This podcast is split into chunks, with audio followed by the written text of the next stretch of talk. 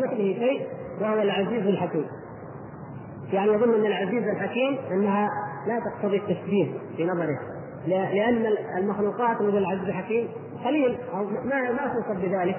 لكن السميع البصير موجود الدواب الحيوانات الحشرات.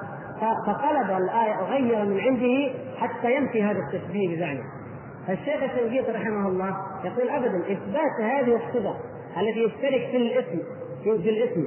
في تسميتها. تشترك أكثر المخلوقات فيه دليل على أن الله أولى بإثبات هذه هذه الصفات وهذا الكمال لكن هل هذا الإثبات فيه تشبيه؟ لا. لأنه أول الآية قال ليس كمثله شيء. نفى التشبيه ثم أثبت لله سبحانه وتعالى ما يليق به من الإثبات. فقوله تعالى ليس كمثله شيء رد على المقتلة المشبهة. وقوله وهو السميع البصير ردا على النفاة المعطله يقول فمن جعل صفات الخالق مثل صفات المخلوق فهو المشبه المبطل المذموم مثل ما قلنا كاليهود والرافضة وأمثالهم. ومن جعل صفات المخلوق مثل صفات الخالق فهو نظير النصارى في كفرهم. وهو نظير النصارى الذين قالوا إن عيسى إله. ويراد به أنه لا يثبت لله لا يثبت لله شيء من الصفات. يعني يراد بنفي التشبيه نفي صفات الله سبحانه وتعالى. والناس في هذا على مراتب على درجات سيأتي تفصيلها فيما بعد. لكن يجمعهم جميعا شبهة واحدة هي ما ذكره المؤلف رحمه الله سبحانه وتعالى هنا. يعني مراتب منهم من ينفي من ينفي جميع الأسماء وجميع الصفات. منهم من يثبت الأسماء وينفي جميع الصفات. منهم من يثبت الأسماء ويثبت بعض الصفات وينفي بعض الصفات. وأهل السنة والجماعة هم الذين يثبتون جميع الأسماء وجميع الصفات. هذه الفوائد يأتي تفصيلها في بعد هذا الكلام. لكن الذي يجمع الجميع الذي يجمع الجميع القاعدة التي تجمعهم أنهم يقولون إذا أثبتنا له شيء وللمخلوق نظيره ففي هذا تشبيه. إذا كان الاسم هنا وهنا الاسم. ففي هذا هذا يقتضي التشبيه. فيقولون لا نقول له علم. ولا حياة ولا إرادة ولا قدرة ولا نحو ذلك. يبدأ المؤلف الرد عليهم فيقول نبدأ بأهم أو أول آه، صفة لا نختلف نحن وإياهم عليها. وإن كان فيهم من خالفها كما سيأتي لكن معظم أهل القبلة المنتسبين للإسلام لا يخالفون فيها. ونقول هل تقولون إن الله موجود أم لا؟ هو موجود. طيب الله موجود. المخلوقات موجودة يقولون نعم فلان موجود وفلان موجود الجبل موجود الأرض موجودة. طيب هل الوجود كالوجود؟ يقول لا. اذا نقول قولوا في جميع الصفات مثل ما تقولون في هذه الصفات. الوجود ليس كالوجود. الحياة ليست كالحياة. اليد ليست كاليد. الاستواء ليس كالاستواء. العلو ليس كالعلو. إلى آخر جميع ما أثبته الله وأثبته رسول الله صلى الله عليه وسلم. فما دمتم تقولون هذا فإذا لا حاجة لكم أن تشغلوا أنفسكم بمخالفة الكتاب والسنة فتنفوا البعض وتثبتوا البعض. بل تقولوا في جميع الصفات مثل ما تقولون في وجوده سبحانه وتعالى. قالوا طيب هذا كيف يكون له قدرة والمخلوق قدرة؟ هذا الاشتراك في الاسم عندهم هو الذي أوقع الشبهه لدى بعضهم ولهذا جاء المؤلف رحمه الله تعالى بكثير من الآيات ومن الأحاديث التي تثبت أن اسماء أو صفات مشتركة. ان هناك اشتراك لكن هذا الاشتراك لفظي اشتراك مجرد لفظي. وإثبات أسماء الله سبحانه وتعالى لا يستلزم التشبيه لأنه لو كان يستلزم لن يثبت الله لنفسه أسماء ويثبت نفس الاسم للمخلوق ابدا. ويذكر من ذلك آيات كثيرة جدا. مثلا الله سبحانه وتعالى سمى نفسه حيا عليما خبيرا رؤوفا رحيما عزيزا حكيما. إلى آخر ما مر من آيات. وسمى المخلوقات بذلك. عندما قال الله تعالى يخرج الحي من الميت. يخرج الحي من الميت. وقال الله لا إله إلا هو الحي القيوم. هل الحي الذي هنا مثل الحي الذي هنا؟ لا. إذا إثبات هذا لا يقتضي التشبيه. ويقول تعالى وبشروه بغلام عليم. وبشرناه بغلام حليم. وهو يعقوب. لما بشر به إبراهيم عليه السلام. والله سبحانه وتعالى هو العليم وهو الحليم. ويقول عن النبي صلى الله عليه وسلم بالمؤمنين رؤوف رحيم. وكما تعلمون أنه وصف الله تعالى نفسه بآيات كثيرة بأنه غفور ورحيم. ورؤوف رحيم. وكذلك السميع البصير التي كما قلنا الشيخ الشنقيطي يقول هذه معظم المخلوقات.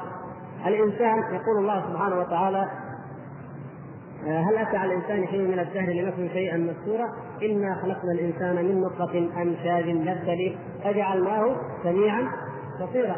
طيب ويقول ليس كمثله شيء وهو السميع البصير. هل هذا السميع البصير هنا مثل هذه هنا؟ لا. وهكذا. نثبت لله قدرة سبحانه وتعالى ونثبت لله علم. العلم أو القدرة ليست هي اسم وإنما هي صفة. كيف هذا؟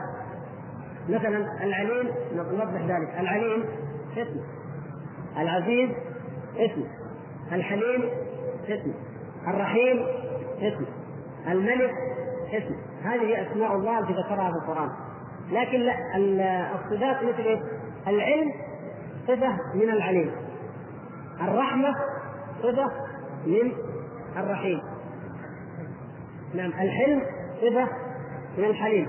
العزة صفة من العزيز. وهكذا. نجد أن القدير والقدرة. القدير جاء مثلا في كما تعلمون في القرآن آيات كثيرة. طيب القدرة جاءت أيضا. هذا حديث الاستخارة. جاءت فيها العلم وجاءت في اللهم إني أستخيرك بعلمك فأستقدرك بقدرتك فأسألك من فضلك العظيم إلى آخر الحديث. فإنك تقدر ولا أقدر يعني إثبات القدرة وإثبات العلم لله سبحانه وتعالى. هذه صفة العلم وهذه صفة القدرة. والعزة جاءت في القرآن فبعزتك لا أغوينهم أجمعين قالها إبليس اللعين وأثبتها لله. فكيف ينفيها عنه بعض من يدعون أنهم من المسلمين؟ وكذلك الرحمة. وكثير من الصفات. وهناك ما يسمى بالدلالة. لا بأس أن نقولها لكم وإن كان قد قد يصعب فهمها. لكن على سبيل ايضاح هذه الحقيقة. نقول إن أي اسم من أسماء الله سبحانه وتعالى مثل القادر أو الحي أو القيوم أو كذا. الدلالة في في علم الأصول وحتى في علم المنطق موجودة في هذا العلم وهذا العلم. ثلاث أنواع. الدلالات ثلاثة. يعني بالنسبة للألفاظ دلالة الألفاظ على المسمى. والا هناك دلالات وضعية دلالات عرفية دلالات هذه لا نحن نتكلم في الدلالة اللفظية. يعني مثل إيش الدلالة الوضعية؟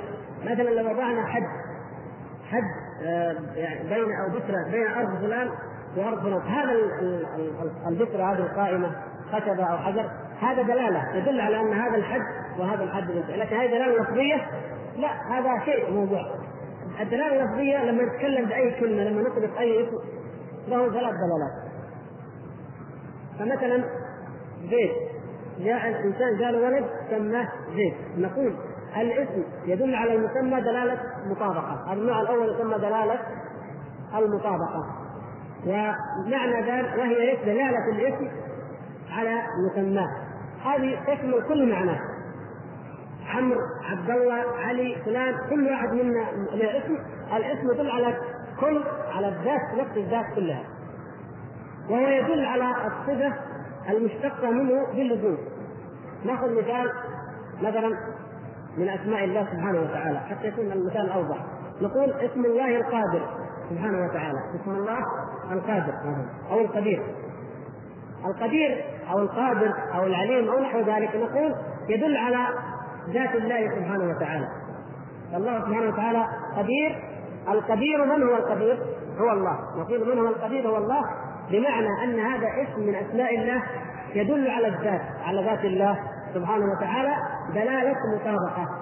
دلالة مطابقة. طيب تقول ليش في قدير وعليم وحكيم نقول هذه أسماء مترادفة. تترادف الأسماء فتدل على واحد. نسمي واحد عبد القدير واحد عبد الحكيم واحد عبد العليم واحد عبد الرحيم واحد عبد الله واحد عبد الرحمن واحد عبد الملك واحد عبد الإله. في فرق بين هذا لا هو عبد كل عبيد من؟ لله. ولذلك لو جميع اولادك سميت كل واحد منهم نسب عبد كذا عبد كذا. كله تقصد معنى واحد وهو أن هؤلاء عبيد لمن؟ لله. فهي مترادفة تدل على شيء واحد.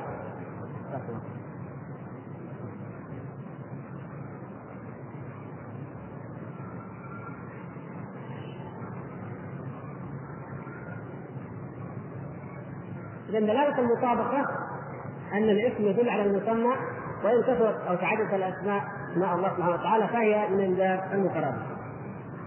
دلالة اللزوم أن نقول أن القدير يستلزم القدرة. كون الله تعالى قديرا يستلزم أن نثبت له القدرة.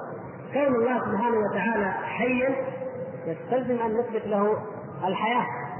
كون الله سبحانه وتعالى رحيما يستلزم أن نثبت له الرحمة كون الله سبحانه وتعالى ملكا أن نثبت له الملك وهذا وارد في الآيات وفي الأحاديث أو بعض هذه الصفات. طيب. دلالته على بقية الصفات بالتضمن الدلالة الثالثة بعد دلالة المطابقة بعد دلالة اللزوم دلالة التضمن. كيف التضمن؟ عندما نقول الله قدير أو الله حليم هل هذه الصفة هل هذا الاسم يدل على أن الله حي؟ نعم. يدل لأنه ما دام قلنا إنه قدير فهو اذا حي. يدل على ماذا؟ على صفة أخرى. دلالة الاسم على صفة أخرى غير الصفة التي يشتق تشتق منه تسمى دلالة تضمن. لماذا ذكرنا هذه القاعدة وأخذناها؟ لأننا سوف نقرأ كلام المؤلف عند تقسيم الطوائف الأربع في موضوع التشبيه هناك طوائف نفت جميع الأسماء ونفت جميع الصفات. هذه الطائفة خارجة من الملة. لماذا؟ لأنها نفت ما ثبت في القرآن وما ثبت في السنة. فهي أصل خارجة من الملة لأنها لم تثبت إلا وجودا مطلقا لا يوصف بأي شيء. وهي الجهمية. الطائفة الأخرى المعتزلة قالوا لا نحن نثبت الأسماء فقط والأسماء تدل على الذات. دلالة واحدة فقط ولكن لا نثبت لا تضمن ولا لزوم يعني قالوا نثبت أنه قدير لكن ما نثبت له قدرة. نثبت أنه عليم نقول اسمه اسمه العليم. طيب له صفه العلم؟ لا. العلم السمع البصر كلها عندهم أسماء لشيء واحد بموضوع واحد فقط. لا يعني لا لا تختلف كونك وصفت الله بأنه عليم أو حليم أو عزيز أو حكيم. لا يختلف عندهم في شيء. لماذا؟ لانها كلها مجرد مترادفات فقط. لا تدل على صفات لا يشتق منها صفات لله سبحانه وتعالى المعتزله يثبتون الأسماء وينفون الصفات فلا يصفون الله سبحانه وتعالى بشيء من الصفات التي تشتق من أسمائه سبحانه وتعالى بطريق اللزوم عند أهل السنة والجماعة. الأشاعرة ماذا قالوا؟ قالوا لا نحن نثبت الأسماء ونثبت سبع صفات أو 11 أو 13 وبعضهم يجعلها 20 لكن هي أصلها سبع لكن يركب منها تصير 20 فقط. فبالباقي قالوا لا. هذه الصفات التي نثبتها هي الصفات العقلية. العلم والحياة والإرادة والكلام والسمع والبصر هذه صفات عقلية نثبتها لله. أما الصفات الصفات الأخرى يسموها صفات خبرية لا نثبتها لله.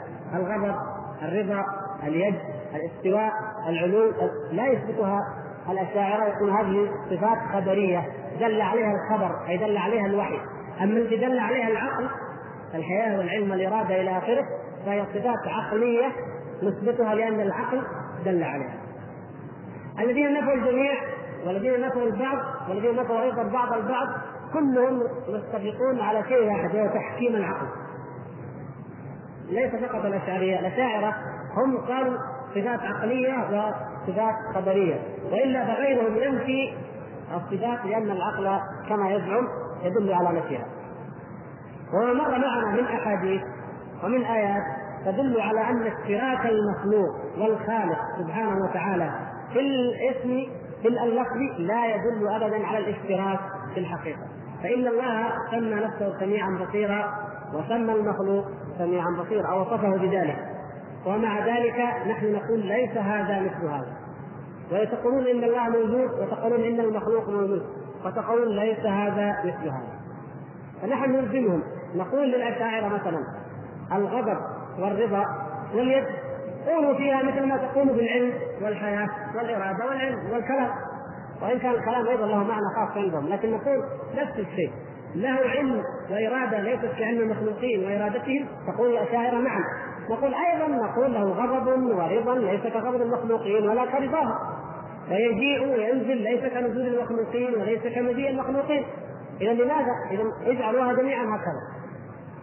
نأتي إلى المعتزلة ونقول لهم مثل ما أنكم تثبتون الأسماء فتثبتون أيضا الصفات. تقولون الأسماء لا تشبه الأسماء فكذلك الصفات. لا تشبه الصفات.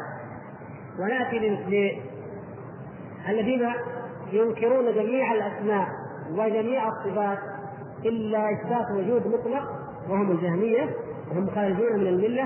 ونقول لهم أيضا لماذا تقعون في هذا؟ وأنتم تقولون وجود مطلق. هذا الوجود يشبه وجود المخلوقين؟ يقولوا لا ليس.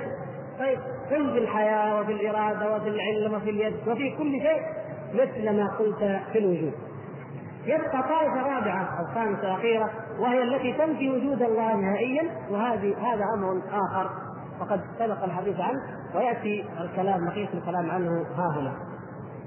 ومن هنا يبدأ قول المؤلف رحمه الله فإن يعني فإن من نفى صفة من صفاته. يعني المؤلف أي الشارح طبعا بدأ يرد على الذين يثبتون البعض بعض الصفات وينكرون البعض وهم الأشاعرة ثم يأخذهم واحدة واحدة حتى ينتهي إلى الآخر. فنحن نقرأها ونوضحها إن شاء الله. تفضل. فإن من نفى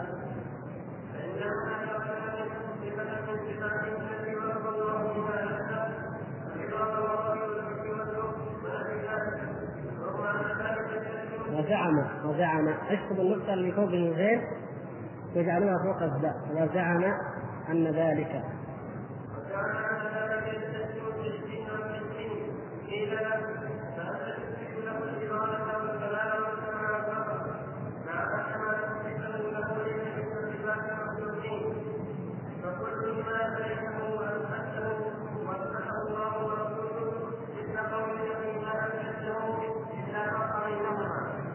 هذا هذه الطائفة الأولى. هذه الأشاعرة الطائفة الأولى. الطائفة الثانية فإن قال. هؤلاء من؟ المعتزلة.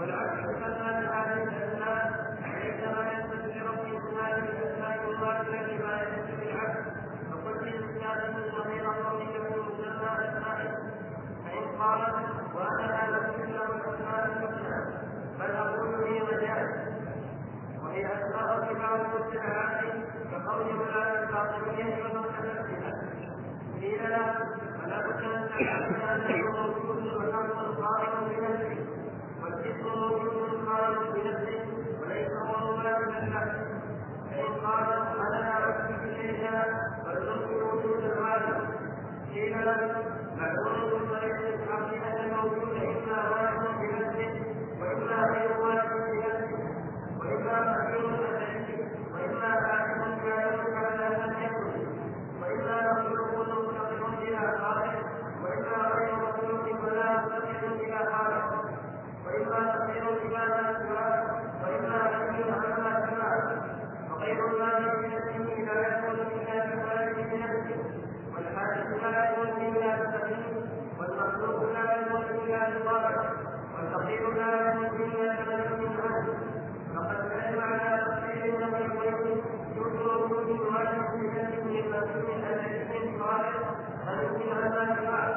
وما سواه في لا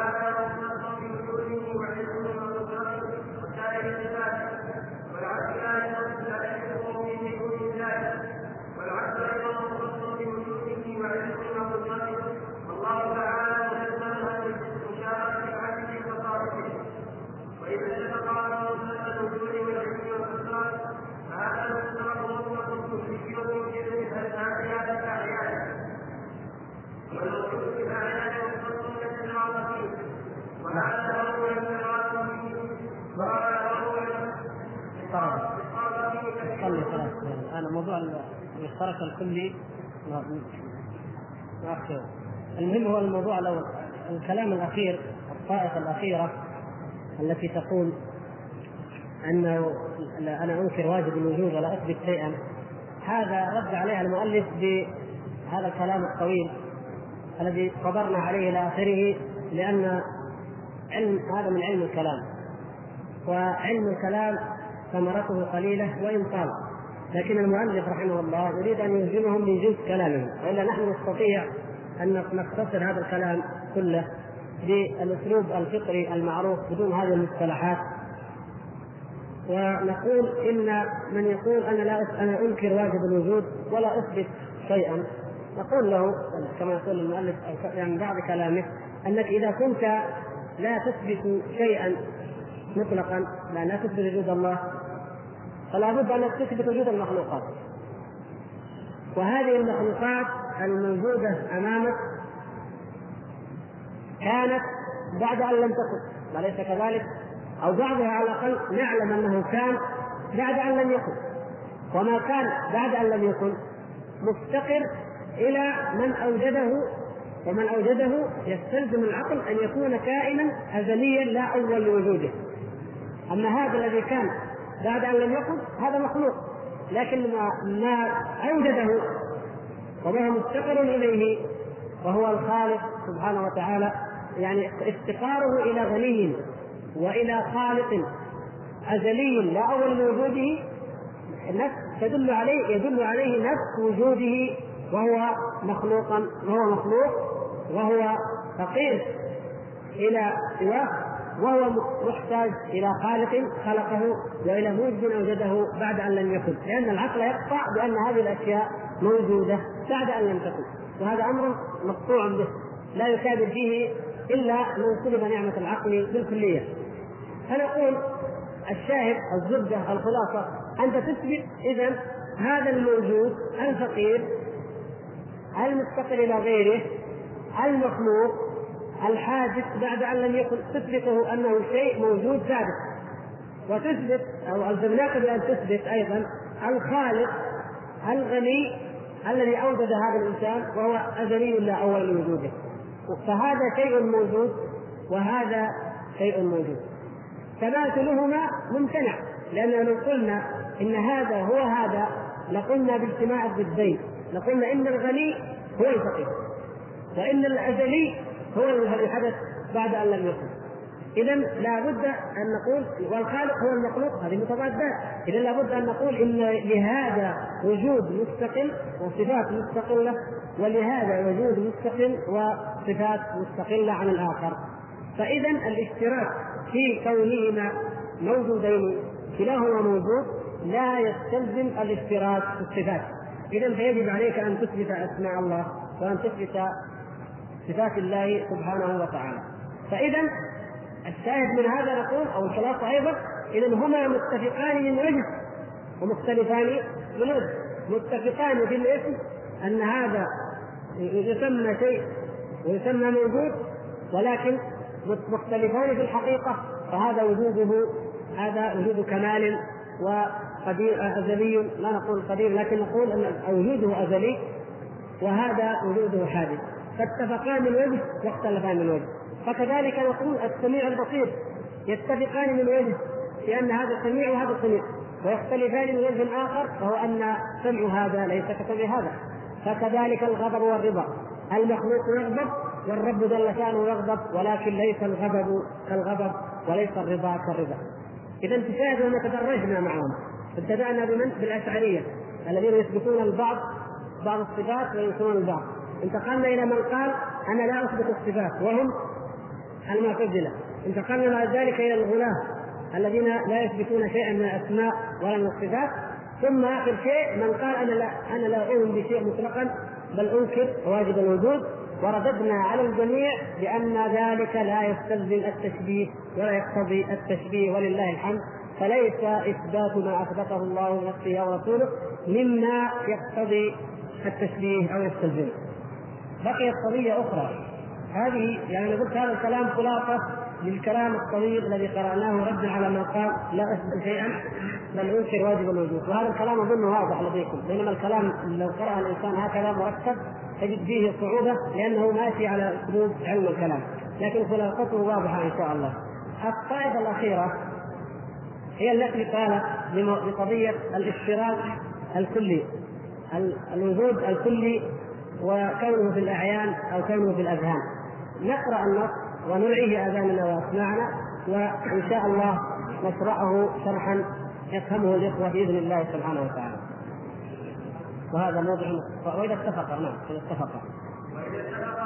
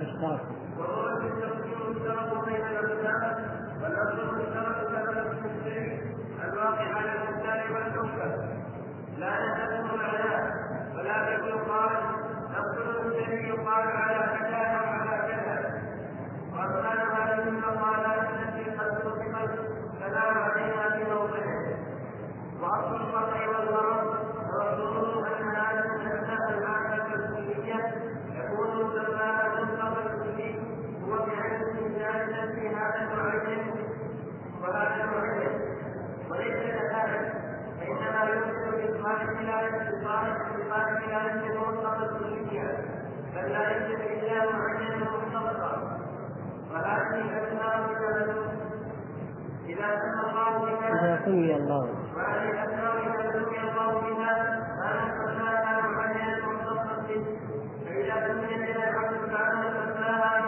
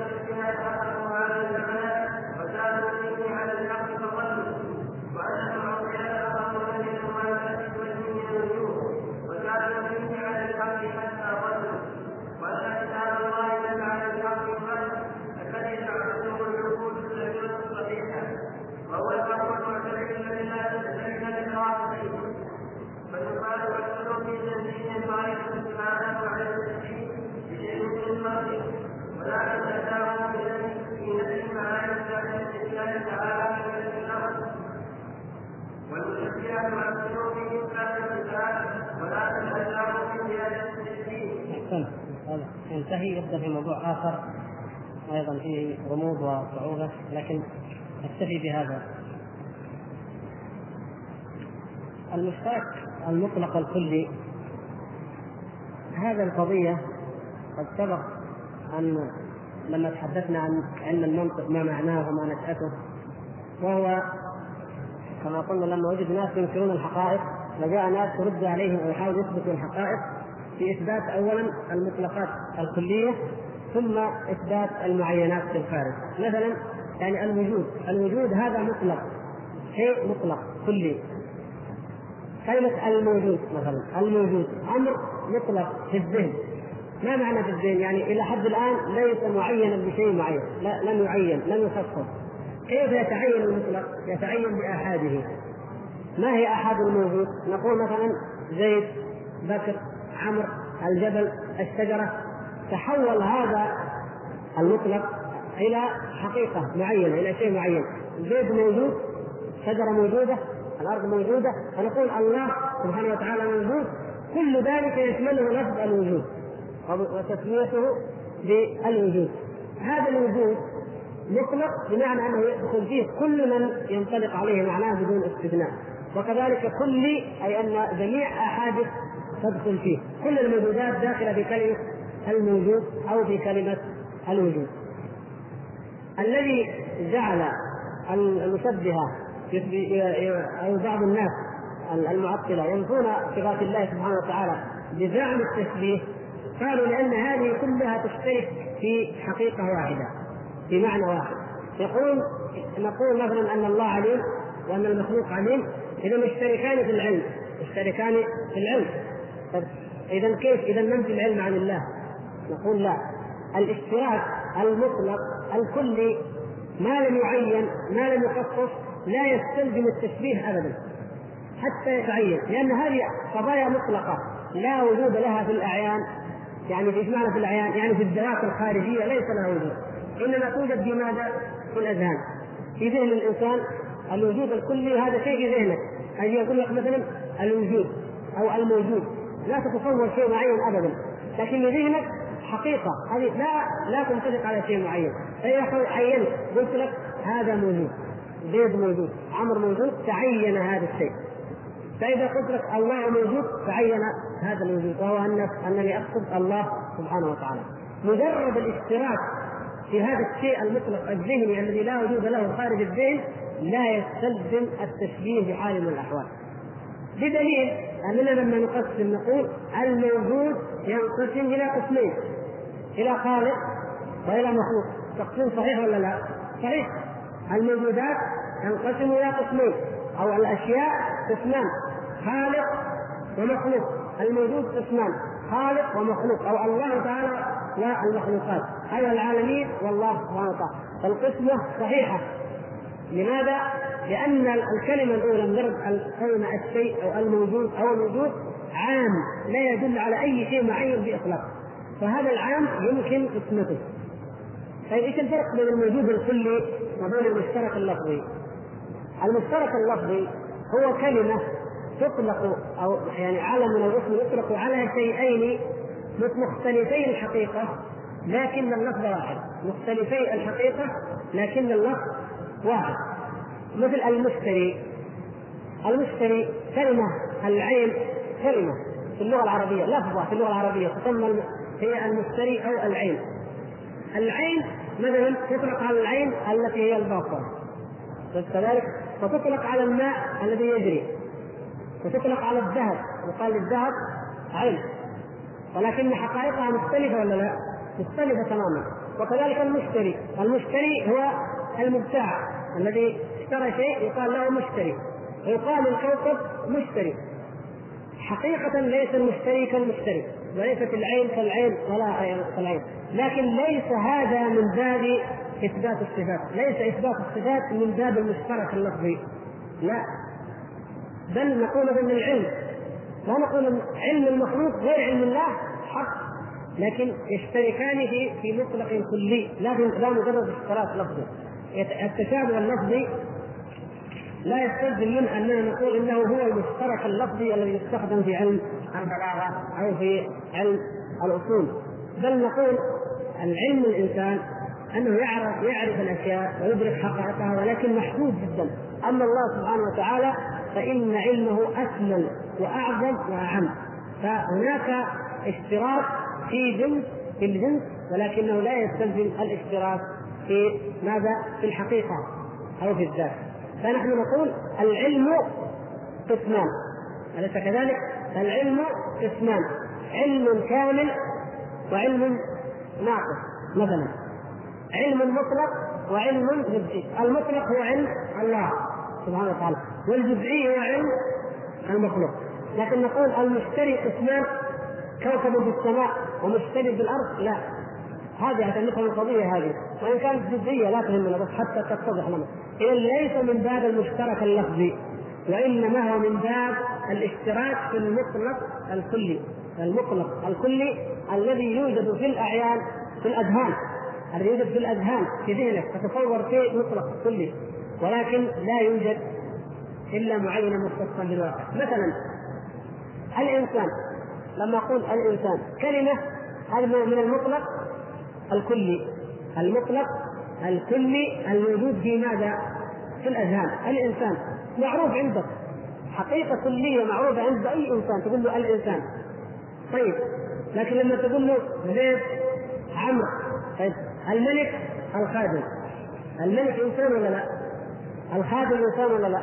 إنسان طيب هل الملك كالخادم هل صفات هذا من صفات هذا؟ لا هم يشتركان في إيش؟ في الإنسانية لكن يختلفان في الصفات يختلفان في الحقيقة.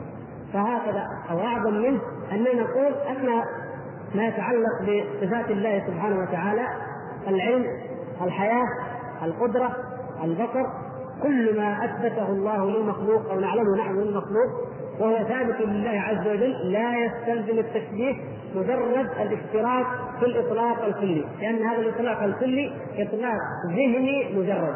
فإذا عين المراد به وعين المسمى به هو الله أو المخلوق اختلف اختلافا بينا.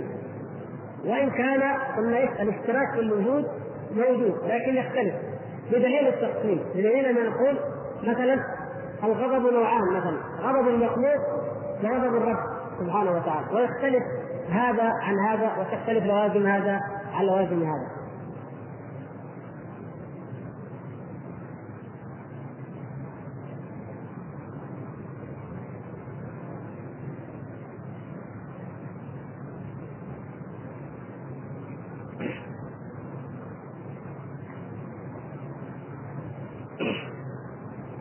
خلال الأسئلة أفهم أن الموضوعات فيها صعوبة لكن آه، يعني أحب أن أقول لكم إن هذا الكتاب ابتداء من من اليوم إلى آخره معظمه في هذه الموضوعات فلا نستعجل أو نستغرب إن فيها صعوبة وما فهمناها، نحن الآن نتكلم في الحقيقة في موضوعات عامة لكن إن شاء الله سيأتي تفصيلات ونوضحها بإذن الله سبحانه وتعالى وتتضح لنا جميعا.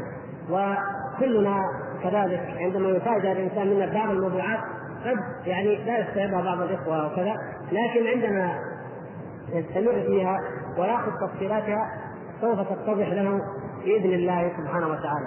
وبإذن الله أيضا سوف نحاول وهذا تطبيق لمنهج السلف سنحاول اننا عندما نمر على مسائل كلامية متعمقة اننا نلخصها ونوضحها بالمعنى الفطري الواضح ونترك التعقيدات اللفظية الكلامية. مثل ما مر معنا هنا مثلا. قضية الحادث أو واجب الوجود أو الممكن الفلاسفة والمتكلمون لهم اصطلاح في هذا. نوضحه إن شاء الله وما نحتاج نوضحه مرة أخرى. آه نقول الفلاسفة لهم اصطلاح والمتكلمون لهم اصطلاح. الفلاسفة مثل أرسطو وأفلاطون وإبن سينا والفارابي والكندي وامثالهم يعني من فلاسفة اليونان أو من المنتسبين للإسلام. لهم اصطلاح والمتكلمون الذين هم من المعتزلة والأشعرية وأمثالهم لهم اصطلاح. الفلاسفه يستخدمون عبارة واجب الوجود أو ممكن الوجود أو مستحيل الوجود. المتكلمون يستخدمون عبارة إيش؟ قديم وحادث. الفرق بينهم في الاستخدام وفي الاصطلاح. ماذا يعني الفلاسفه بهذا؟ يقول الفلاسفة العقل يدل على أن الأشياء إما واجبة بذاتها يعني يجب وجودها وجودها ذاتي من ذاتها وإما ممكنة وإما ممتنعة الوجود لذاتها. مثلا يقولون الله سبحانه وتعالى هذا يسمونه واجب الوجود. يقولون لا يفتقر وجوده إلى إيجاد غيره. وهذا كما تعلمون كما مما يدل على أن الناس لا لا ينفون الوجود. ليست مشكله لا مشكلة الأنبياء. مع اممهم ولا مشكلة أهل السنة مع الطوائف الضالة هي إثبات وجود الله. لأن الفلاسفه لا ينكرون الوجود يقولون موجود ويسمونه واجب الوجود. القضية قضية الألوهية كما مر معنا في أنواع التوحيد. الشاهد فيقولون الاصطلاح الفلسفي هو هذه الثلاثة. واجب الوجود فهو ما كان وجوده من ذاته. لذاته بذاته. لا يحتاج ولا يفتقر وجوده إلى غيره وهو الله سبحانه وتعالى وحده عندهم. يعني واجب الوجود عندهم شيء واحد فقط وهو الله. كما يقول سائر العقلاء.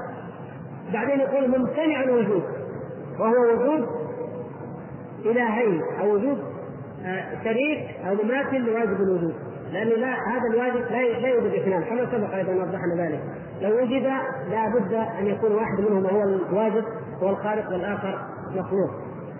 الممكن بقية المخلوقات. مثلا وجود الشجرة وجود الحجر وجود هذه يسمونها الممكنات.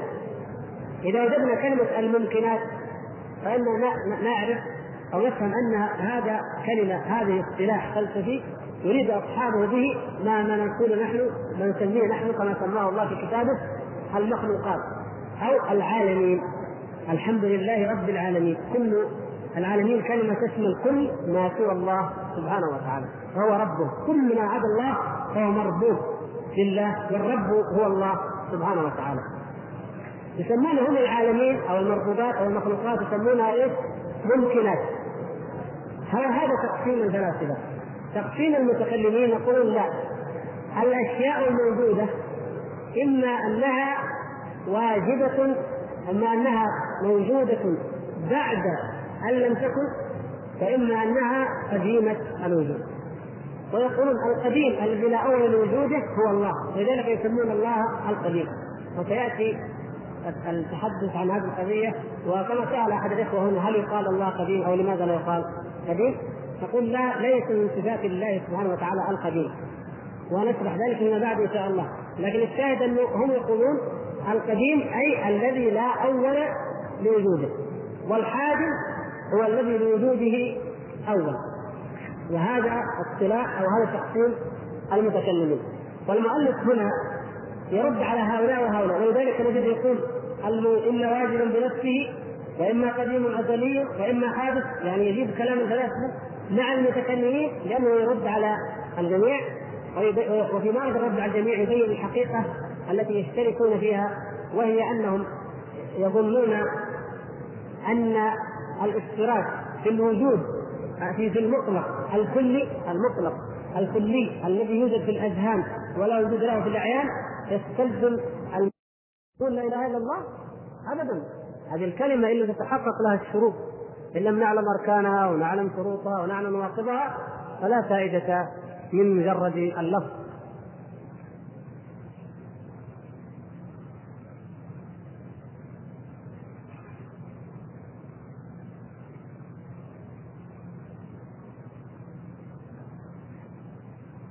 اللفظ مجرد كذا لا إله إلا الله ما ينفع. لا بد من معرفة الركنين اللي هي الركن النفي وركن الإثبات. لا إله نفي لكل ما يعبد من دون الله إلا الله إثبات لعبودية الله سبحانه وتعالى وتوحيده وحده ولا شريك له. ثم هذه الأركان قلنا منها العلم واليقين والإخلاص والصدق والمحبة. محبة كيف المحبة؟ أن تحب ما أنزل الله. لا إله إلا الله تحب الله وتحب ما أنزل الله. طيب واحد كره شيء مما أنزل الله إيش حكمه؟ هذا يكفر. يكفر ويكون منافق. ذلك بأنهم كرهوا ما أنزل الله فأحبط أعمالهم. نعوذ أحبط الله أعمال المنافقين لأنهم كرهوا ما أنزل الله. كيف كرهوا ما أنزل الله؟ واحد ما يود أن الله حرم الخمر. كاره لهذا التحريم. هذا يكون مسلم كل مسلم يجب أن يكون منقاد لأمر الله سبحانه وتعالى راضي بما شرع الله سبحانه وتعالى ويعلم أن فيه الحق وفيه الخير وفيه المصلحة. واحد يكره أن الله عز وجل حرم الاختلاط بين الرجال وبين النساء. ولو سئل عن ذلك فقال هذا الحكم ماني مرتاح له. ما ما لاحظوا يا إخوان فرق بين من يعمل الذنب من يعمل الكبيرة من يعملها وبين من يرفضها بقلبه من يرفض بقلبه أن ينقاد للامر هذا يكفر. لكن من يعمل بجوارحه هذا لا يكفر. واحد زنى لا يكفر لا يخرج من الملة. إنما يعذب العذاب العظيم الله يعيذنا وإياكم. هذا عذاب عظيم. لكنه ما نقول كفر من خرج من الملة لمن شرب خمر لأنه زنى. لا. لكن واحد يقول لك مفروض إن الخمر ما يكون حرام. المفروض ما يكون الزنا حرام. المفروض ما يكون الاختلاط كذا المفروض إنه يختلط الرجال والنساء وكذا ويتكلم. هذا إنسان كره ما أنزل الله. وهذا حكمه الكفر. فهو ناقض لمناقض لشهادة لا إله إلا الله. لابد من المحبة في شروط لا إله إلا الله. كره ما أنزل الله أو بعضه هذا نقض لشهادة لا إله إلا الله. فقائل هذا الكلام قد نقض قوله لا إله إلا الله فهو خارج من الملة. نعوذ بالله من ذلك. والانقياد الانقياد والقبول هذان الشرطان الأخيران. ما معنى الانقياد والقبول لها؟ واحد يقول لا إله إلا الله ومع ذلك يتخذ آلهة من دون الله. يدعو غير الله يدعو غير الله. يا فلان يا سيدي فلان مثلا. يا بدوي يا دسوقي يا حسين يا عباس يا والعياذ بالله مثل هذه الأشياء. يدعو غير الله. هذا هل هذا شاهد أن لا إله إلا الله؟ واحد شهد شهادة وكذب الشهادة إيش نقول عنه؟ نقول هذا صادق ولا كاذب؟ أنت شهدت شهادة لكن كذبتها لا إله إلا الله يعني هو المعبود وحده سبحانه وتعالى طيب كيف تعبد غيره؟ كيف تدعو غيره؟ الدعاء هو العبادة كما في الحديث الصحيح الدعاء هو العبادة ولذلك في الآية التي قرأناها آية المثل يا أيها الناس ضرب مثل فاستمعوا له إن الذين تدعون من دون الله يعني تعبدون من دون الله آيات كثيرة. فأمرنا الله تعالى أن ندعوه أي أن نعبده. نعبده وندعوه بمعنى واحد في آيات كثيرة. الشاهد فإن أن هذا الإنسان الذي يدعو غير الله ما هو شاهد أن لا إله إلا الله؟ وإن قال هذا لسانه طيب القبول أيضا أو الانقياد والقبول ما معنى الالتزام؟ الالتزام بشرع الله. فرق بين اننا نلتزم بشرع الله وبين إننا ما نخالف شرع الله زي ما قلنا. ليش؟ المخالفة ما فينا واحد يقدر يعصم نفسه من المخالفه نخالف شرع الله نخالفه. لكن ملتزمين ولا لا؟ ملتزمين. زي ما يعني بدون يعني تشبيه كامل لكن الإيضاح مثلا في نظام لاي إدارة من الإدارات لها نظام معين. موظف في هذه الإدارة ملتزم بالنظام ولا لا؟ ولكن ملتزم بالنظام؟ أطبقه. ممكن يخالفه. يمكن يمشي مادة من المواد يعني يمشيها. حاجة لها أربع شروط خليها ثلاث شروط والرابع هذا بعدين يمشيه ممكن هذا وهو عارف إنه مخالف النظام هذا يسمى مخالف. واحد يعلم أن الله حرم الخمر وأن لها عقوبة يعلم أن الله حرم الزنا وأن له عقوبه ويخاف من هذه العقوبة ويخاف من الله لكن زنى شرب الخمر. نظر في الحرام سواء صورة مرئية أو صورة حقيقية النظر إلى المرأة الأجنبية حرام كما تعلمون في الصورة أو في الحقيقة. طيب هذا الذي فعله مستشعر الإثم والخطأ والذنب والتقصير هذا مخالف للأمر. لكن لو واحد جاء قال النظام هذا الإدارة كل ما ما ينفع. المادة هذه أو المواد هذه كلها غلط. قام حط نظام من عنده ومشى هل ترضى الإدارة بهذا الشيء؟ لو عوقب هذا ولو عوقب هذا. فرق كبير. هذا يسجل عليه ما يقولوا إنه خالف. يقولوا تعال قال إن النظام كله خطأ. هذا لا يمكن أن يكون موظف في هذه الإدارة. هذا يفصل. أنت أنت تعمل في إدارة تقول نظامها كله غلط؟ اذا على أي شيء تعمل أنت؟ على أي شيء تصير ما دام أنت معترف بالنظام. حقها المكون من مواد ولوائح. اذا أنت تطلب طرد من الحكومة والمحافظه ولذلك نقول عقوبة من يرفض شرع الله الخروج من الملة. هذا مفصول من المسلمين. هذا ما هو مسلم يفصل. واحد يقول ليش كذا؟ ليش الله شرع كذا؟ هذا مفصول خرج من الإسلام. لم ينقذ لكن الملتزم الالتزام بشرع الله. يعني الانقياد والقبول معناه الإنسان يلتزم بشرع الله عز وجل. ويزعم بقلبه لأمر الله عز وجل وإن كان قد يخالفه ولن يخلو أحد. لن يخلو أحد في مخالفة إلا من عصمه الله سبحانه وتعالى. لكن فرق بين هذا وبين هذا. فالانقياد والقبول هذه من شروط لا إله إلا الله. فهذه الشروط السبعة علم يقين وإخلاص وصدقك مع محبة وانقياد والقبول لها. هذه شروط سبعة للا إله إلا الله هي التي ذكرها العلماء. جوابا على سؤال الأخ الذي يقول ما هي وما مع شرحها ما نستطيع أن نطول الشرح لكن هذه هذا ملخص له.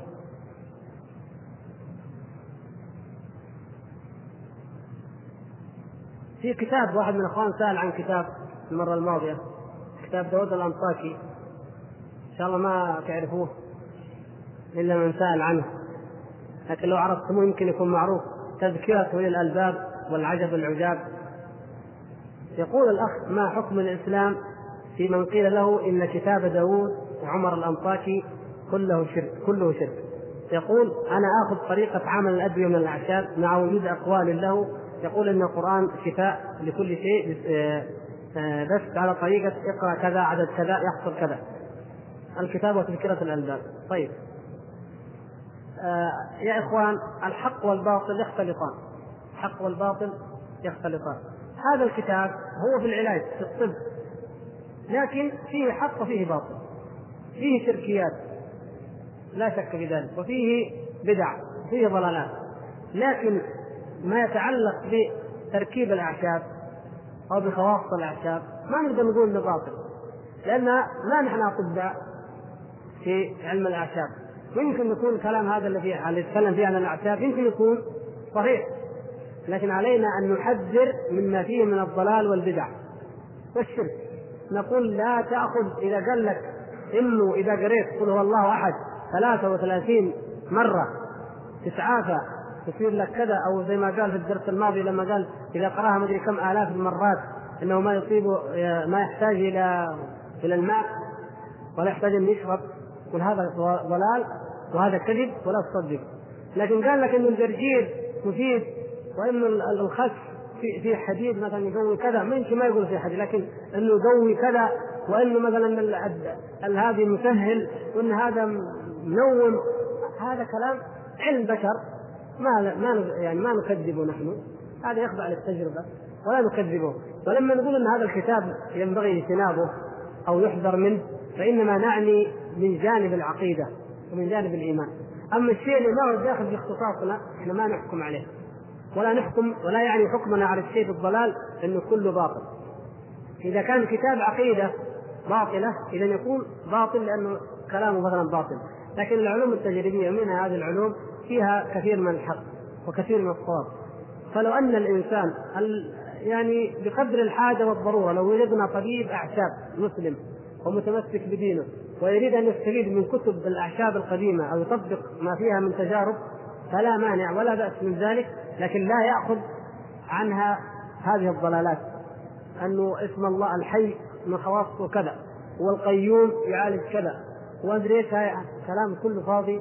ولا حقيقة له. والله سبحانه وتعالى قد أمرنا زي ما قلنا في المرة الماضية إنه الشفاء له عدة طرق يا إخوان. هذه من الأشياء المهمة. الشفاء له عدة طرق أن أنزلها الله سبحانه وتعالى. منها الدعاء وهذا الطريق الذي لا يسلكه الآن كثير من الناس. مرض على طول المستشفى. يعني الدعاء هذا كأنه نسينا الله. بينما هذا من أعظم أسباب العلاج. دعاء الإنسان المريض لنفسه أيوب عليه السلام لما مرض ماذا قال؟ ربي إني مسني الضر وأنت أرحم الراحمين. فاستجبنا له. سبحان الله. دعاء دعا الله. هذا من أحد أسباب العلاج الدعاء. دعاء الزائر. وهذا ما نطبقه. نجي عنده كيف الحال وطيب ونجيب له الهدية ولا شيء ونخرج. ليش يا أخوان؟ ليش إذا زرناه ما نقول أسأل الله العظيم رب العرش الكريم أن يكفيك سبع مرات. يقول النبي صلى الله عليه وسلم في الحديث الصحيح من قالها عند مريض سبع مرات لم يكتب هذا المريض لم لم يأتي أجله لأن الأجل لا يرده شيء. لكن من قالها لمريض لم يأتي أجله شفي بإذن الله. سبحان الله علاج عظيم ومجاني وبسيط. طبعا ما في واحد يقول لي راح واحد دعا وما استجيب له. أيوه نعم إنما يتقبل الله من المستقيم حتى الدعاء للشروط لابد يكون الداعي يعني مخلص ومتقي.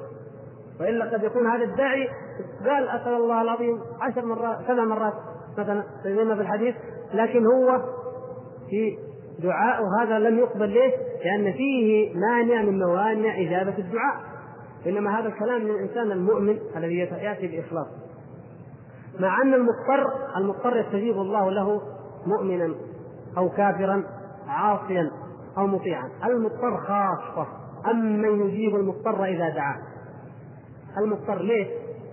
لأن المضطر لما يدعو يدعو وهو من قلب خالص تماما موقن تماما تماما بأن الله سبحانه وتعالى يسمعه ويستجيب له ولا يملك غيره أن يعطيه. شوف حتى المشركين في البحر إذا دعوا الله سبحانه وتعالى. فالله سبحانه وتعالى يستجيب للمضطر. يعني قد يستجيب للمضطر حتى ولو كان كافرا حتى ولو كان عاصيا حتى ولو كان فيه ما فيه لأن حالة الاضطرار فيها حالة يقين من الإنسان إذا بقدر ما تكون الضراعة عند الإنسان يكون الاستجابة من الله سبحانه وتعالى. بقدر ما تظهر من لنفسك من نفسك افتقارك إلى الله عز وجل وحاجتك الشديدة الشديدة إلى الله عز وجل بقدر ما يكون غنى الله وإغناء الله لك عن جميع المخلوقات. وهكذا يعني الطب مثلا الدعاء. من أسباب الطب القرآن أن الإنسان يقرأ القرآن أو يرقى نفسه بالقرآن في الرقية الواردة.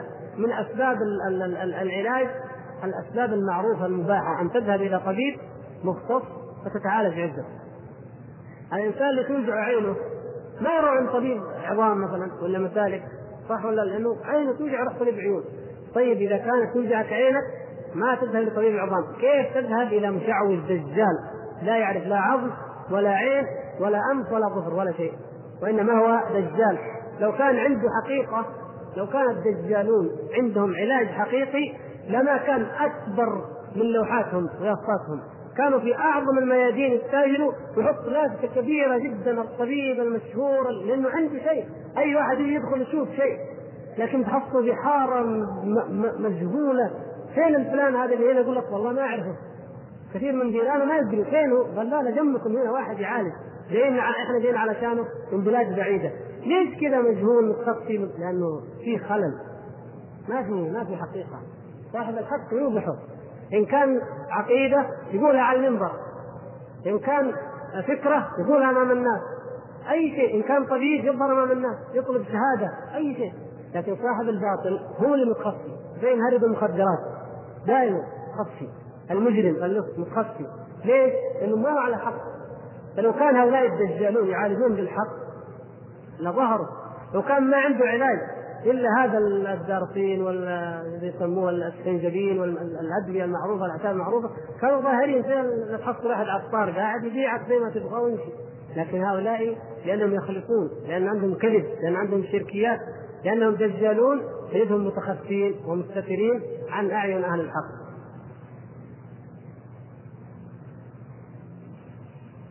في حاجة بسيطة بس يقول الأخ كيف نقول إن الله موجود؟ وكلمة موجود يفهم منها أنها اسم مفعول. كيف نقول موجود؟ فمن أوجد الله شيء حز في نفسي فأرجو رفع الحرج. جزاه الله خير. يعني الأخ هذا نيته طيبة إن شاء الله وكلنا الحمد لله ما يقع في أذهاننا وفي قلوبنا شيء لكن كلمة كيف موجود؟ أنت أجبت على نفسك لأنك قلت فمن أوجد فمن أوجد. كلمة أوجد رباعي. ها؟ اسم المفعول من أوجد. علمتم شوية في القواعد؟ طيب. اسم المفعول الرباعي نجيب الفعل المضارع. أوجد إيش؟ يوجد. أوجد يوجد. المضارع اسمه يوجد. طيب. اسم الفاعل من الرباعي نحط بدل الياء حقة المضارع مين؟ موجد هذا موجد اسم فاعل. اسم مفعول بدل الكسرة فتحة. موجد اسم المفعول من أوجد إيش هو؟ موجد وليس موجود خلاص عرفنا الجواب؟ إذا موجود ما هي من من أوجد لأن المفعول منها موجد موجود من وجد وجد فهو موجود. بس. وما فيها وجواب واضح إن شاء الله. طيب. ما قولك في قول شيخ الإسلام في العقيدة الواسطية في الأسماء والصفات؟ من غير تحريف ولا تعطيل ولا تمثيل ولا تكييف. فقال هنا من غير تحريف ولم يقل تأويل. وقال تمثيل ولم يقل تشبيه. وذلك لأن الله تعالى قال ليس كمثله شيء ولم يقل لا شبيه له كما هو القول الأصح. وجزاكم الله خيرا. هذا الأخ جزاه الله خيرا أيضا هو على علم الحمد لله. وهذه الدقة عنده دليل قابلية للخير نسأل الله أن يزيده ويوفقه. الأصح هو نفس العبارة التي استخدمها شيخ الإسلام ابن تيمية لأنه قال من غير تحريف ولم يقل تأويل. ليش؟ قلنا التأويل له ثلاث معاني. واحد منها هو اللي عليه الاعتراض والمعنى الآخر لا. فكلمة التحريف هي الصحيحة. التأويل بالمعنى المعترض عليه اسمه الحقيقي إيش؟ تحريف. واحد يقول لك الرحمن على العرش استوى معناها استولى. شيخ الإسلام ابن تيمية يقول هذا ما هو تاويل الاشاعره مثلا وهذا تأويل. شيخ الإسلام من هذا تحريف. زودت حرف غيرت المعنى كله. لو أنا كتبت لك ورقة بدين علي أو شيء وقمت زودت رقم زودت شيء يقول لك أنت حرفت السند. حرفته ما نقول أولته. إذا كلام شيخ الإسلام هو الأصح. إذا هذا إيه تحريف. وكذلك التمثيل. ولم يقل ولا تشبيه. التشبيه والتمثيل المعنى فيها يعني الأشكال أقل. ما في مشكلة الحمد لله. لكن الالتزام بما ورد في القرآن هو الصحيح. يقول ليس كمثله شيء. نعم ليس كمثله شيء. فالعبارة الصحيحة أن نقول بلا تمثيل. وهذا من دقة فهم شيخ الإسلام ابن تيمية رحمه الله تعالى. فنرجو أن نتعلم هذه الدقة من علمائنا. لا نستخدم إلا الألفاظ الشرعية الصحيحة. ولذلك الأخ الذي سأل يقول هل يجوز لنا أن نقول إن الله أزلي قديم؟ نقول لا. لا نستخدم هذا كاسم من أسماء الله سبحانه وتعالى لأنه ما ورد في الكتاب ولا في السنة. المعنى حق. المعنى الازلي قديم معناها حق لكن العبارة خطأ. كيف معناها حق؟ الله تعالى يقول هو الأول والآخر والظاهر والباطن. الأول ما معنى فسرها النبي صلى الله عليه وسلم في دعائه الصحيح؟ اللهم أنت الأول فليس قبلك شيء. وفي الحديث الآخر كان الله ولم يكن قبله شيء على إحدى الروايات. إذا معنى الأول ليس قبله شيء سبحانه وتعالى. أزلي قديم معناها في كلام المتكلمين الأزلي والقديم الذي لا أول لوجوده. يقول طيب المعنى صحيح. معناكم صحيح. نحن يا إخوان دائما منهج أهل السنة والجماعة دائما الإنصاف. دائما منهجنا الإنصاف والعدل حتى على أنفسنا وحتى على أولي القربى كما أمرنا الله عز وجل. وإن كانوا هؤلاء مبتدعة لكن نقول كلامهم هذا غلط هذا بعضه حق وبعضه صواب آه وبعضه خطأ وباطل. لا لا نظلمهم نقول الحق نقول لهم هذا هو الحق. لما تقول أزلي قديم المعنى هذا صحيح. والكلام معناه صحيح لكن اللفظة غير صحيحة فنحن لا نستخدم ولا نطلق إلا المعنى الحق الذي جاء في الكتاب والسنة. المعنى الحق باللفظ الحق وهو أنه سبحانه وتعالى هو الأول وليس قبله شيء.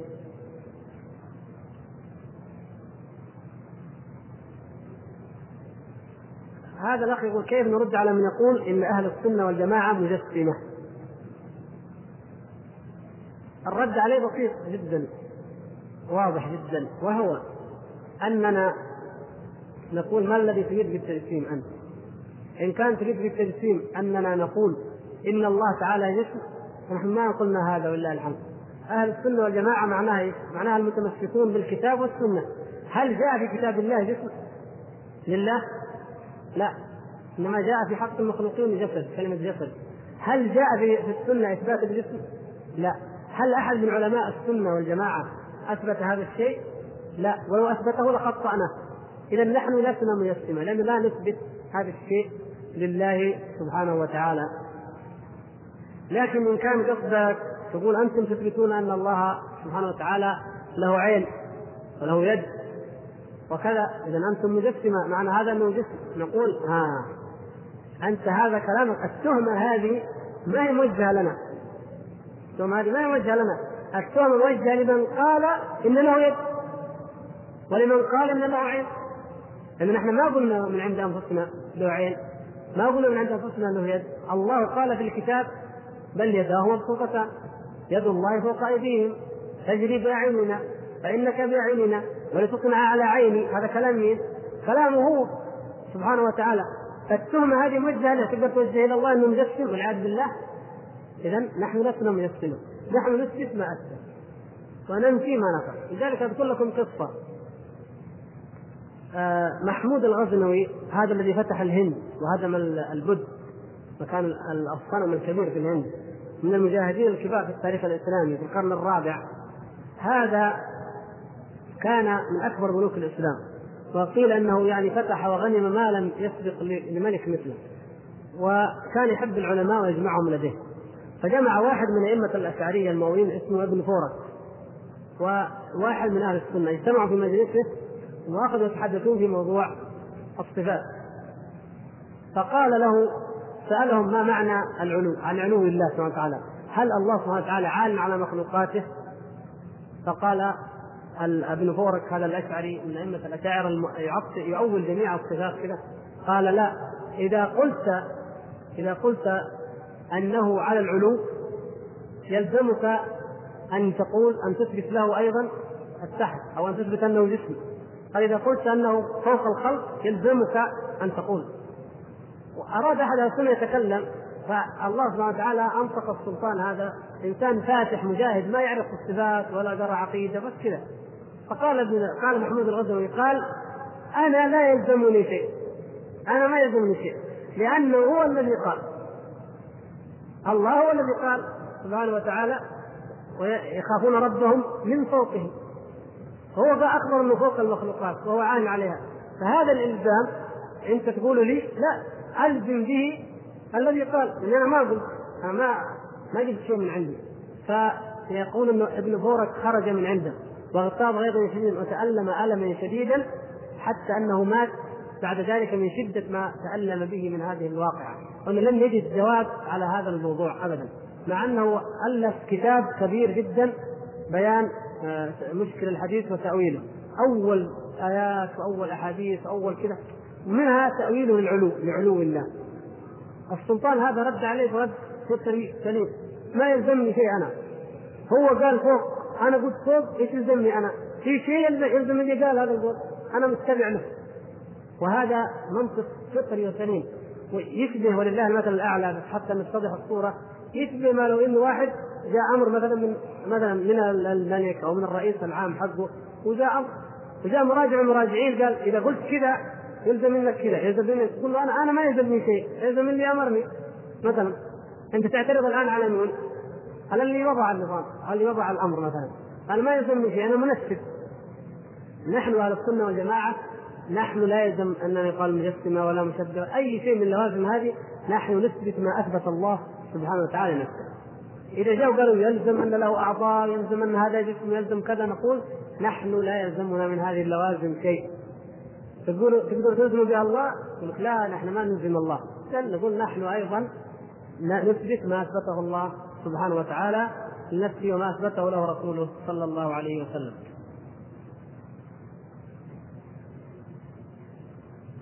الاخ هذا يقول عن أي أو ما تفسير ما نتج عن هؤلاء الفرق الذين خاضوا في أمور الصفات والأسماء مثل المعتزلة والجهمية والأشاعرة وغيرهم، هل هذا يعتبر عداء للدين أم ما تفسير ذلك؟ طبعا مر معنا هذا قلنا إنه هناك أناس قصدهم الاجتهاد وقصدهم الدفاع عن الإسلام ولكن أخطأوا الطريق. وهناك أناس كانوا مغرضين هدامين فنفس عبد الله بن سبأ اليهودي الذي أسس دين الشيعة هذا ما ما كان قصده حسن. أراد أن يهدم دين الإسلام مثل ما هدم بولس دين النصرانية كما أثبت ذلك شيخ الإسلام ابن تيمية في أول كتاب منهاج السنة. لكن يوجد من الشيعة العوام ربما يوجد إنسان يقول إنه هذا هو دين الله اللي أنزل وهذا هو الصحيح. ويعتقد ذلك ويعاديك يظن انك انت على الباطل وهو على الحق. هذا نيته ما نتهم نيته لكن نتكلم عن عمله. لكن هل الاعتبار بالنية؟ الذين حبسوا أنفسهم عن الأزواج عن الزوجات وعن المال واعتكفوا في, في, في الأديرة مترهبين. حرموا أنفسهم جميع المتاع وقاعد راهب. وما أكثر رهبان النصارى وما أكثر رهبان البوذيين. هل هؤلاء نتهموا في نيتهم إنه يبغى يخرب الدين؟ ما يبغى يخرب شيء، هو قاعد ملتزم بأمور يعني ألزم نفسه بها، لكن هل هذا العمل صحيح؟ هل هذا العمل مقبول عند الله؟ أولئك الذين ضل سعيهم في الحياة الدنيا وهم يحسبون أنهم يحسنون صنعا نعوذ بالله فالإنسان حتى الخوارج الذين يعني كما تعلمون ثبت الحديث في قتالهم وفي الوعد العظيم والأجر العظيم لمن قاتل الخوارج ما خرجوا إلا بقصد الدفاع عن الدين أو الإخلاص للدين في الغالب لكن أيضا قلنا هذه الفرق كلها يوجد فيها من يكون حاقد على الدين ويوجد فيها من يكون قصده حسن ولكن نيته مع نفسه صادق لكنه باطل مع أن بعضهم خاصة المعتزلة وأخص منهم وأهم منهم الشيعة زي ما ذكرنا قصة أبو الربيع الزهراني من أئمة الحديث الرواة المشهورين لما كان له جار وكان زنديق لكن يبدو أنه يعني هداه الله. قال له ليش كنت زنديق؟ يعني لما كنت زنديق ليش كنت تظهر أنك شيعي أنك رافضي؟ قال لما أردنا أن نهدم الإسلام. شوف كيف؟ فكرنا ما هو الباب؟ الذي يمكن أن ندخل منه ونهدم الإسلام ونبقى مسلمين. لو جاء قالوا القرآن كفر القرآن كذب الدين هذا كذب. كفروه الناس قتلوه. قال لا. قال فوجدنا أجهل الناس واسخفهم عقولا هم الرافضة. فدخلنا في دينهم.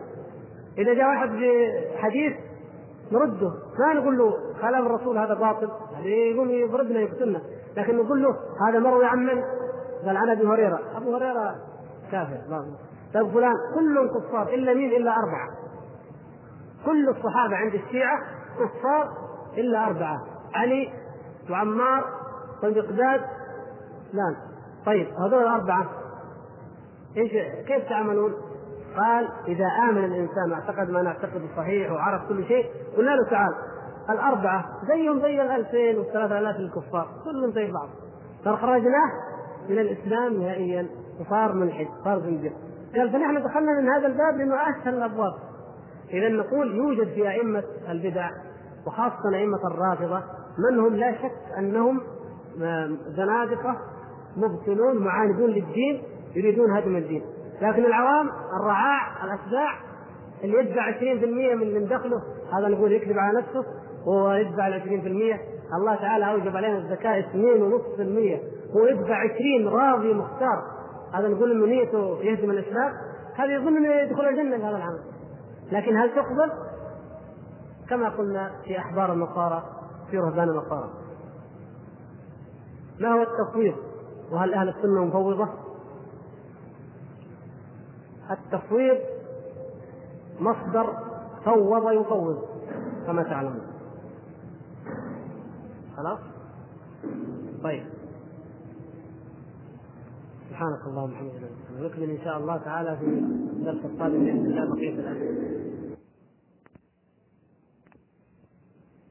لا بأس أن نستعين بذلك كل عصر من العصور يزيد العلم فيه. العلم البشري العلم الذي هو إنتاج أو ما يسمى حضارة. يختلف عن العلم الذي هو هداية. علم الهداية الربانية هذا ثابت من عند الله عز وجل. جاء في القرآن وجاء في السنة وكل إنسان يعمل ويجهد يجتهد لأن يفهم من القرآن والسنة هذا العلم. أما العلم البشري الآخر فإنه يزيد ويزداد كل يوم. من فضل أو من حكمة الله سبحانه وتعالى ومن فضله على العباد أن كل من يعمل من أمم كافرة أو مسلمة فإنه يزداد حصيله من هذا العلم البشري المادي أو الطبيعي. إذا وصلنا إلى حقائق علمية أو أمور نستطيع أن نفهم بها بعض الآيات القرآنية أو أن نزداد فهما لها فلا يمنع ذلك ابدا الله سبحانه وتعالى مثلا ذكر في القرآن في غير ما آية أنه خلق الإنسان من نطفة ثم من مضغة ثم من علقة. كان علماء المسلمين الأولين الرسول صلى الله عليه وسلم وأصحابه يؤمنون بذلك وآباؤنا مثلا ونحن نؤمن بهذا نؤمن بالنطفة والمضغة والعلقة وأن هذه جعلها الله سبحانه وتعالى وخلقنا الله سبحانه وتعالى على هذا الخلق جعلها أطوار سبحانه وتعالى لخلق الإنسان. إذا واحد تعمق كتب عن النطفة وخصائص النطفة وكذا وكذا وخصائص العلقة وأنواعها وخصص في هذا المجال والمضغة وكذا. وكيف تصفى لحما العظام لحما. يعني تعمق في فهم ذلك حتى فهم هذه الآية. نفس الفهم الذي كان موجود فهم إجمالي أصبح فهما أكثر أو فهما أوسع أو فهما تفصيليا. نقول لا مانع من ذلك. لا مانع من هذه مثل هذه العلوم. بل هي تزيد المؤمن إيمانا. وتزيده فهما لكتاب الله سبحانه وتعالى.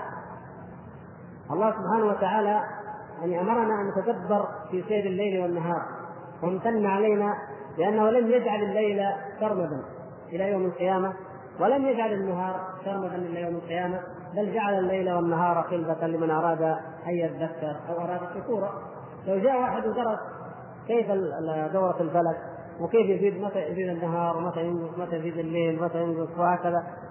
يعني استطرد بهذه الأمور وفصل وعرف وفهم حتى تبين لهم من حقائق هذه الآيات. ومن الحساب. الذي ذكره الله تعالى لتعلم عدد السنين والحساب. اصبح عنده علوم يفهم فيها مثل هذه الآيات فلا مانع من ذلك هو زيادة خير وزياده إيمان وخير ما يبتغى أو يلتمس منه أي علم من العلوم أن يؤخذ من القرآن ومن السنة شريطه أن يكون مضبوطا بمعايير التفسير الصحيحة ومعايير الفهم الصحيح لكتاب الله وسنة رسوله صلى الله عليه وسلم كما هي معروفة في علم أصول التفسير وهذا لا مانع منه إن شاء الله تعالى.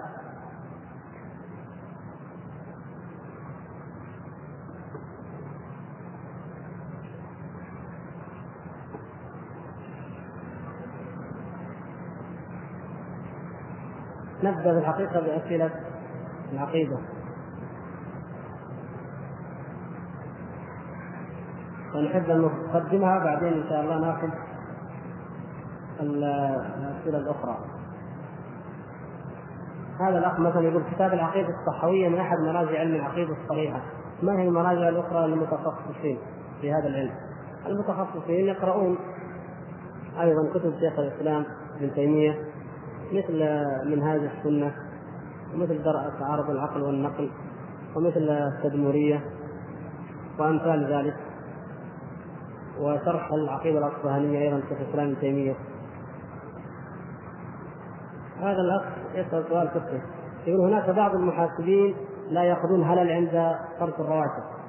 علما بأن هناك بعض الأشخاص له 95 هللة أو أقل أو أكثر والذي يمنع بعض الأشخاص المطالبة في ذلك أنه يستحي. فهل هذا في شيء على المحاسب؟ وصاحب المال أو الموظف إذا إذا سكت على ذلك شكر الله لكم. المحاسب لا يجوز أن يأخذ شيء وإن كان هلله واحدة. لا يحل له ذلك لأن الله سبحانه وتعالى يعني لم يستثني من ذلك صغيرا ولا كبيرا. قال ومن يعمل مثقال ذرة خيرا يره ومن يعمل مثقال ذرة شرا يره. فهذا مثقال الذرة لا يحل إلا بطيبة نفس من صاحبه ولكن يعني عفي للمسلم بالشيء اليسير الذي لا تتطلع إليه نفس الإنسان الآخر. كأن واحد يترك عندك مثلا ريال أو نصف ريال أو قرشين أو شيء مما تترفع النفوس عنه فهذا لا بأس به. لكن الإخوان الذين يشتغلون في المحاسبات في صناديق الحساب يجتمع له من هذا نصف ريال ومن هذا 95 هلله ومن هذا من هلله فيجتمع في الأخير وقد تصل إلى 1000 ريال أو 500 ريال شهريا بالإضافة إلى راتبه. فلو بقي من صندوق عشر سنوات تجمع عنده مبلغ كبير وهذا المبلغ لا يحل له. هو في الحقيقة إما أن يعني هو لأصحابه وإلا يرجعه إلى هو في الحقيقة لماذا؟ لبيت المال. فلا يحل له. إلا أن يستحل ذلك منهم. يقول يا أخوان ترى بعضكم يبقى له 75 بعضكم يبقى له 95 هل لا بعضهم كذا وهذا الذي يبقى أنا آخذه. تحل ذلك لي؟ إذا أحلوه سمحوه؟ لا بأس. إن سمح البعض ولم يسمح البعض الآخر عليه أن يعطي البعض الآخر حقهم. أو أنه يجمع هذا الباقي ويعطيه لمدير لمدير أو رئيس المصلحة فيعمل به شيء لمصلحة الدائرة أو المصلحة مثلا. حتى لو شيء مباح يعني حتى لو اتفقوا إنه هذا اللي يبدا بالصندوق نعمل به عزومة ونتعشى كلنا. ما في شيء لأنه للجميع يعني مثلا وراضين بذلك ما في شيء. المهم إن هذا الذي يتبقى في الصندوق ليس للمحاسب وإنما هو لهؤلاء أصحاب الحقوق. والإنسان عليه أن يراقب الله عز وجل. والدنيا هذه فيها درهم ودينار يستطيع الإنسان أن يؤدي منه. لكن الآخرة ما فيها درهم ولا دينار وإنما فيها حسنات. يؤخذ من حسناته ويعطى لهؤلاء الناس أصحاب الحقوق.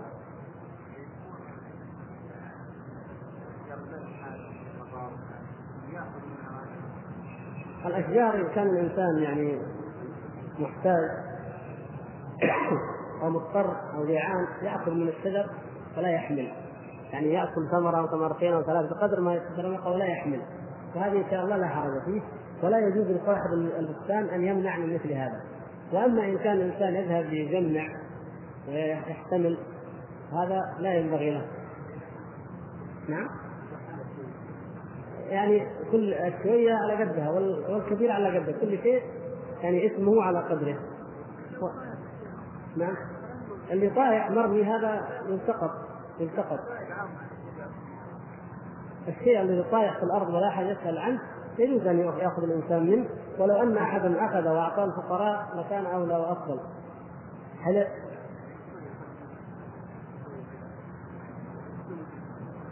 احسن تصدق فيه يعني أفضل. وإن كان ان شاء الله ما عليك حرج لو اخذته يعني ما شيء عام. لكن المسلم يترفع هو الأولى. هل يجوز لأحد أن يعمل لمراد يشتغل في بنك وأنت لا تشتغل في البنك إنما أنت تعمل عنده مجرد عامل عنده مبتعد عن البنك. يعني يقصد الأخ لو أن إنسان موظف في بنك أو يملك بنك واستاجر أجير يبني له بيت أو يعمل له أي عمل. فهذا لا حرج إن شاء الله على الأجير فيما يأخذ. هذا الأجير هو يعمل عمل حلال ويأخذ راتب حلال. كون هذا صاحب العمل يأخذ ماله من حرام من بنك ربوي أو سرقه من من الخزينة العامة أو سرق من حقوق المسلمين أو أي شيء هذا اسمه على صاحب العمل.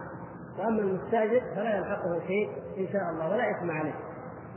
لكن الأولى يعني مثلا لو أنا أعرف إنه هذا صاحب بنك تبغاني أكون مقاول اعمر له عماره الأولى للمسلم أن يترفع عن أن يعمل عند هؤلاء. يعني هذا من باب أن الإنسان يحتاط لدينه فلا تعمل عند من كان تعلم أن أكله حرام صريح أما مثلا تاجر يغش ويكذب ومع ذلك تجارة حلال.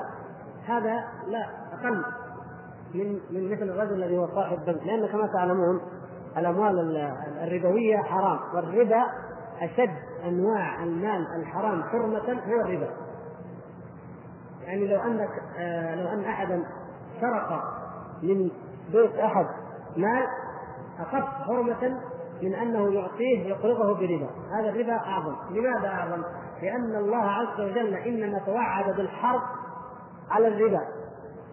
فإن لم تفعلوا فأذنوا بحرب من الله ورسوله وإن تبتم فلكم رؤوس أموالكم. لا تظلمون ولا تظلمون. فالتاجر الغشاش أخف حرمة ماله أخف حرمة من المراد. ولو أنك خيرت أن تعمل بين عند واحد يغش أو واحد يأكل ربا فلتعمل عند الذي يغش. ولا تعمل عند أكل الربا نسأل الله. يعني. لا لا. بعيد. قال أنت تعمل عنده مجرد عامل عنده مبتعد عن البنك. يعني أنت مثلا تعمل له عمارة أو سواق مثلا في يعني تعمل له أي عمل بعيد عن البنك.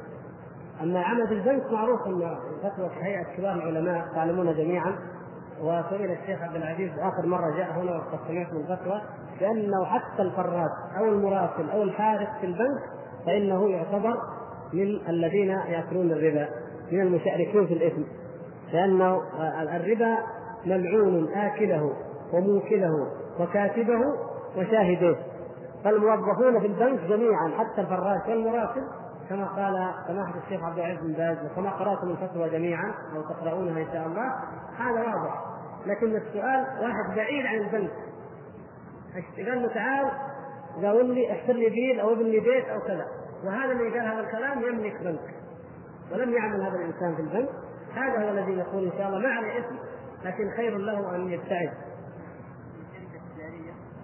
بعض من راس مالها أو حاجة القلب لكن لو ما بعد اخذت عليه فائده ما ما يخسر شيء لكن لو ذلك تدخل حق على الفائده موظفين الشركة إن شاء الله ما عليهم اسم نفس الشيء. يعني إذا كنت أنت تعمل في شركه وتعطيك راتبك هي شركه ليست شركه ربوية لكن تعطيك راتبك بناء على انها هي تضع فلوس في بنك وتأخذ فوائد من البنك ثم تعطيك أنت. فأنت إن شاء الله لا إثم عليك. أنت في كإنسان تعمل عمل لا لا ربا فيه ولا هو خدمة للربا. وإنما الإثم على المراد الأصلي.